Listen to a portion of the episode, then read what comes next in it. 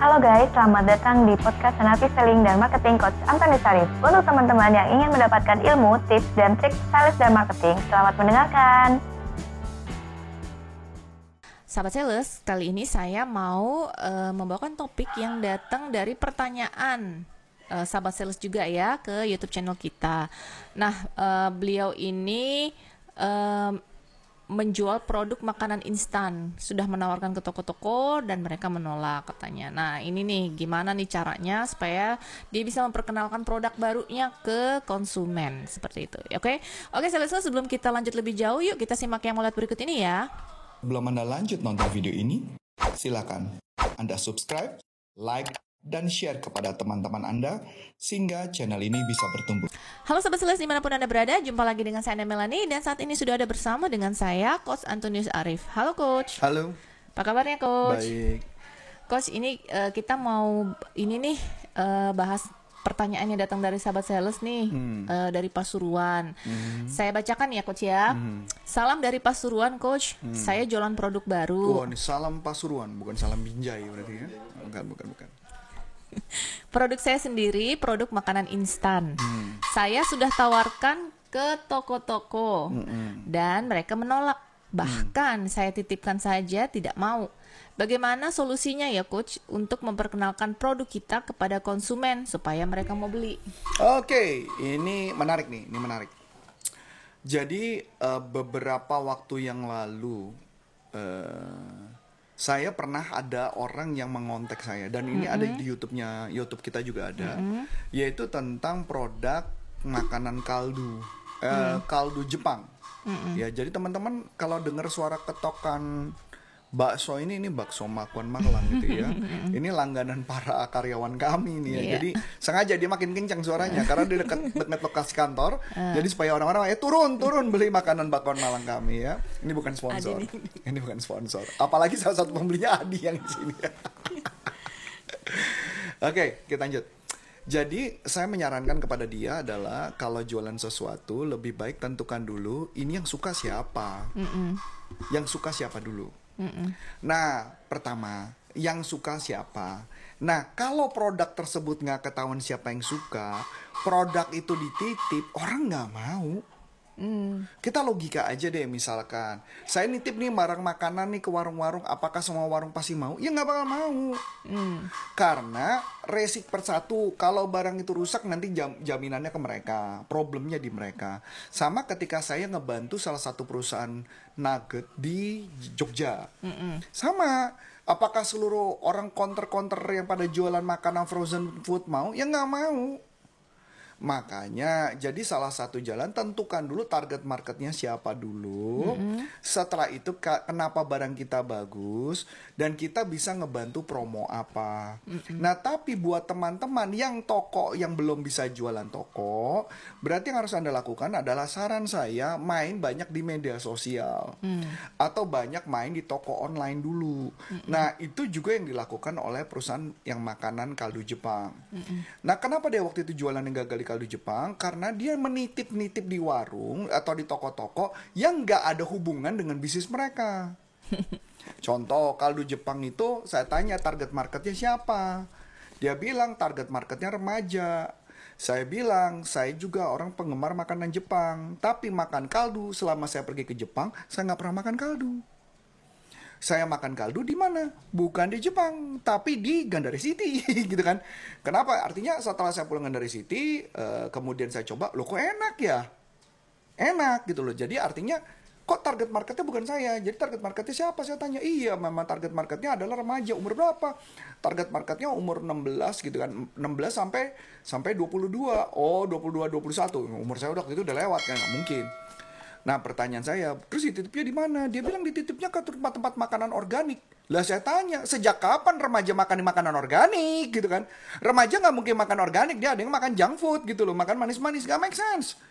Oh iya ya coach ya, ya itu maksud saya. Ya kan kari itu kan organik. Iya gue paham, kari itu organik. Tapi yang jadi masalah adalah orang-orang tua kayak saya saya ini, apakah makan kari Jepang? Kan enggak.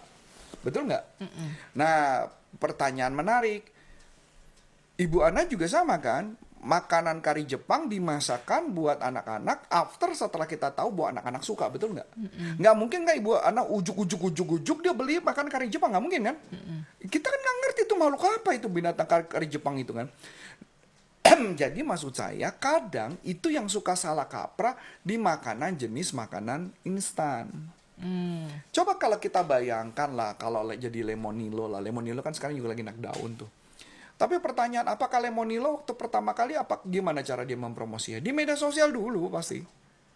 Di media sosial, artis cuman bikin eh, ada artis art, bukan artis ya. Chef-chef terkenal memasak lemonilo pakai gaya chef. Lama-lama orang jadi penasaran, cari-cari. Nah, ketika mereka cari-cari, mereka mulai cari di warung ada nggak lemonilo. Baru ditawarkan ke sana. Yang paling gampang adalah kalau memang target marketnya dewasa, mendingan masuknya ke modern market walaupun boncos. Karena potongan biayanya akan sangat tinggi.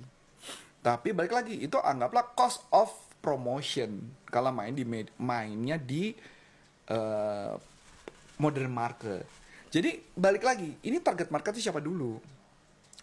Makanan instan, buat siapa target marketnya? Target marketnya misalnya contoh buat orang-orang kantoran, titipnya di mana? Di warung-warung? Ya nggak mungkin. Siapa yang mau ke warung-warung orang kantoran? Saya juga udah lama nggak pergi ke warung kan gitu maksudnya kan. Jadi nggak make sense gitu loh. Jadi balik lagi target marketnya apa? Eh, sama kayak waktu itu juga ada yang pernah nanya ke saya, coach, aku jualan pakaian dalam wanita. Oke, terus eh, target marketnya siapa? Dia bingung. Pokoknya siapa aja mau beli beli. Eh nggak bisa begitu dong. Tentuin dulu target market siapa. Ya kalau target kalau mohon maaf gitu celana dalam wanitanya seksi banget apa enggak? Kalau enggak berarti untuk siapa nih? Oh untuk pemakaian sehari-hari. Oke, deal. Berarti pemakaian sehari-hari. Pertanyaan yang kedua, kalau pemakaian sehari-hari, yang pakai siapa? Ya kalau yang pakai adalah yang jualan di pasar, ya berarti kita jualannya ke pasar. Ini jualan ke mana? Dia bilang, ini adalah yang pakai nanti mbak-mbak yang kerjanya di eh, di mall-mall. Oh, yang kerjanya mbak-mbak di mall-mall. Oke, atau mbak-mbak yang kerjanya yang gaji berapa? Ya, gajinya di bawah UMR lah. Oke, kalau di bawah UMR berarti jualannya mesti di mana? Kan nggak bisa kita jualannya ke misalkan contoh eh, si mbak-mbak, tapi kita pajangnya di misalkan di pasaraya, ya kan nggak make sense. Harganya aja udah lebih mahal daripada harga gajinya dia gitu loh. Itu yang nggak make sense gitu loh kadang-kadang. Jadi sometimes orang tuh jualan tuh kayak kesannya cuma nitip nitip nitip nitip ya toko-toko mama nitip nitip enak-enak aja. Pertanyaan saya yang berikutnya, emang kalau udah dititip, kalau nggak laku gimana? Barangnya balik loh. Kalau barang balik sakit kepala ke siapa? Ya kita produsennya. Kenapa sakit kepala? Bayangin nggak? Nih coba contoh nih ya. Nih kita ngomong nih kayak ke Adi deh yang paling gampang deh Di. Adi misalnya nitip barang di. Lu nitip bikin makan mie makan instan. Saya nggak tahu makan instannya apa. Apakah nasi goreng instan, apakah mie instan atau whatever apa pun instan nah, ya. Misalkan Adi nih, duitnya modalnya terbatas. Adi mau nitip kepada toko-toko. Satu toko mau dititip 10. Berarti berapa? Kalau 10 toko berarti berapa? 100 pack. Pertanyaan saya, 100 pack Adi, Adi cetak dong, bikin dong, kirim dong, modal Adi dar dengan harapan berdoa yakin ya Tuhan semoga untuk semoga laku. Ternyata nggak laku. Sebelum Anda lanjut nonton video ini, silakan Anda subscribe, like, dan share kepada teman-teman Anda sehingga channel ini bisa bertumbuh. Ternyata bulan depan Adi datang, ternyata yang laku dua. Tapi Adi harus nitip lagi di lima toko lagi. Apa nggak boncos tuh? Ini yang sering banget terjadi, begitu juga di beberapa customer. Kenapa penjualan suka tidak happen? Karena itu.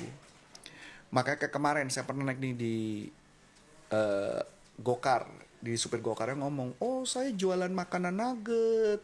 Saya nanya, nuggetnya nuggetnya dijual ke mana? Saya titip-titip ke mana? Itu kayak ke ke misalkan ke Sabu Haci, ke ke kayak Sabu Haci yang bikin rebus-rebusan gitulah. Saya tanya, oh gitu, iya. Dibayarnya berapa lama? Dibayar itu bisa 30-45 hari. Heh? Iya, 30-45 hari. Oke, titip berapa banyak? Ya saya cuma sanggup titip 3 pak. Kenapa nggak lebih? Modalnya nggak ada. Nah itu yang jadi isu berikutnya. Kadang-kadang jualan, kalau modalnya nggak besar, dan bukan berarti kalau mama nanti barangnya nggak laku gimana? Akan jadi problem balik lagi ke kita. Berarti solusinya apa? Solusi cuma satu.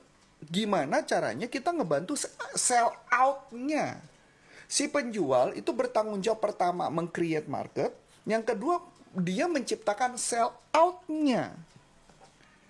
Bukan cuma sekedar nitip ke toko tugas lu selesai. Enggak gitu.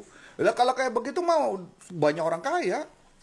Enggak begitu ceritanya ketika kita titip barang, pikirkan cara sell out-nya. Nah, makanya banyak perusahaan-perusahaan yang memakai corporate consulting karena untuk mikirin gimana cara sell out-nya, gimana caranya masuk ke toko-toko. Itu yang kita jalankan prosesnya. Jadi ketika ngedeketin orang, jangan hanya fokus di jualannya, tapi sell out-nya. Sell out paham ya? Di toko, mm -mm. dia udah ngambil, mm -mm. 10 biji, 10-nya habis.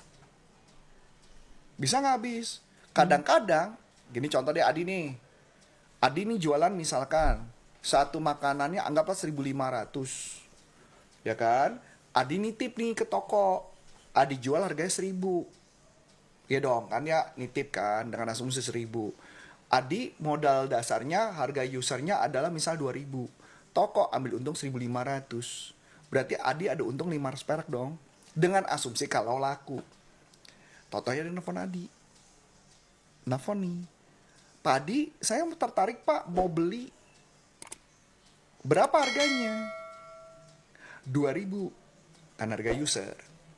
Orang kan ngomong, boleh nggak saya beli 1700? Kira-kira boleh nggak?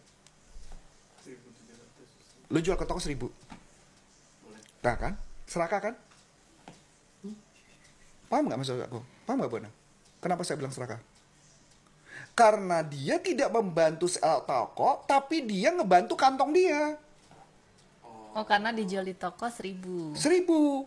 Karena dia berasumsi kalau tujuh ratus perak, dia dapat tambahan tujuh ratus perak. Hmm. Buat dia profit. Makanya pertanyaannya, tokonya laku nggak? Enggak. Enggak. Kalau toko nggak laku, keuntungan dia di jangka pendek memang dia dapat besar, di jangka panjang dia rugi.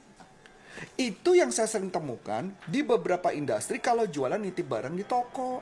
Di mana orang mau beli harga mahal, karena kita berasumsi kurang profit diambil. Itulah yang dulu kenapa saya menjual Epson last format menjadi laku Bu Ana. Hmm. Jadi saya tidak membypass si toko itu, tapi saya malah uh, berapa harganya 2000 bisa 1700 enggak? Oh mohon maaf nggak bisa. Jadi gimana nih kalau saya mau beli? Gini deh, saya bantu mau nggak? Mungkin Anda kamu dapat harga 1600 nih bisa lebih murah. Emang bisa? Bisa. Adi teleponin ke toko A. Bos, toko A nih, ini ada customer mau beli nih. Berapa? Eh, ya lu kasih 1600 lah. Lu kan berarti udah untung lagi dong tambahan 100. Pertanyaan, toko itu jadi utang budi nggak sama Adi? Utang budi, bakal ngambil lagi nggak? Ambil lebih banyak. Jangka pendek kita rugi, bukan rugi ya, profitnya berkurang, tapi jangka panjang dia ngambil terus menerus. Itu yang sering tidak dipraktekkan ketika berbisnis ke toko. Hmm. Masuk akal. Ini karena Coach Aris itu sudah berpengalaman ya dengan toko-toko. Betul. Ya.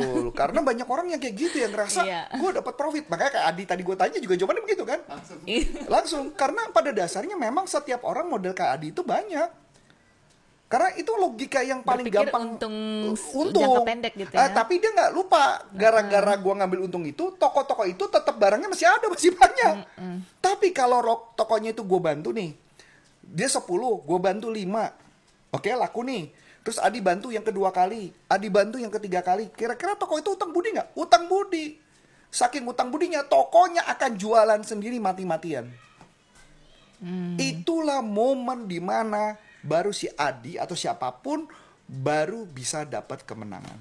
Nah, buat sahabat sales di Pasuruan, Bukan Berarti, hanya Pasuruan, tapi di seluruh Indonesia. Ya. Yes. Ini Nino kan pertanyaan dari sahabat saya di Pasuruan hmm, ya, Coach ya. Jadi uh, sudah terjawab ya pertanyaannya ya. Jadi uh, sebenarnya bisa uh, terjual produknya meskipun produknya ini baru dengan cara seperti seperti tadi yang sudah ya, jelaskan Coach Arif. Atau ya tadi create market. Bisa nggak -hmm. lu menjanjikan, bos lu ambil dulu 10. -hmm. Gua janji sama lu, -hmm. nanti barangnya kalau ada yang mau beli gua oper ke lu. Mm-mm. Tapi pengalaman saya kalau setiap ada yang chatting nanya ke tempat saya sih kayaknya enggak. Mereka semua egois. Mm-mm. Mereka semua cuman penting adalah titip, titip, titip. Kalau jualan dia jual langsung. Itu yang makanya tidak berjalan. Saya ambil contoh nih. Saya kebetulan kenal sama prinsipal salah satu notebook. Saya nggak perlu sebut namanya. Terkenal. Kemudian saya tanya, saya tertarik pengen beli satu notebook. Saya bilang, harga berapa? Segini. Boleh nggak gue ngambil sama lo? Dia bilang, jangan, Rif. Tapi gue bantuin. Lu dapat harga murah. Dibantu ke toko. Utang budi nggak tokonya sama, sama saya? Pak, apa sama si orang itu? Utang budi. Saya merasa terbantu dapat murah, si toko berasa kayak gitu loh maksud saya. Jadi win-win-win Win solution. win win win. Kita win tapi profitnya Customer, sistem uh-uh. profit kita mungkin kecil tapi jangka panjangnya yang harus kita pikirkan. Jadi salesnya win, customernya win, tokonya juga win. Tokonya juga win. Yang which is kalau toko win, dia akan ngambil lebih banyak. Kalau toko nggak win, boro-boro ngambil. Jadi yang penting adalah bagaimana mensejahterakan toko. Menarik sekali ya topik kita ya, sahabat sales ya. Nah, eh, kalau sahabat sales masih banyak pertanyaan seputar topik kita kali ini, yuk langsung dilayangkan saja ke YouTube channel kita. Terus, eh, Coach Arif, kayaknya nih nanti kita kan ada pelatihan goal setting untuk sales ya? Iya, goal setting sales itu ada di bulan Januari, tanggalnya saya lupa. Langsung aja nanti ada informasi di bawah, silahkan langsung daftar aja. Mm, So oke. kalau mau ikut pelatihan-pelatihan saya lain, bisa masuk ke salesuniversity.id atau kalau mau undang kami, masuk ke corporaconsulting.com, eh, undang, telepon langsung ke Bu Ana, dan di situ juga ada nomor telepon eh, di deskripsi ini ada nomor telepon yang bisa langsung dikontak. So akhir kata, saya Coach Antoni Sarif dan Saya Namelani, mengucap banyak terima kasih, sukses buat Anda dan sampai jumpa, salam performance, bye bye. bye-bye. Nah, untuk teman-teman yang sudah menerangkan, terima kasih ya dan nantikan podcast selanjutnya.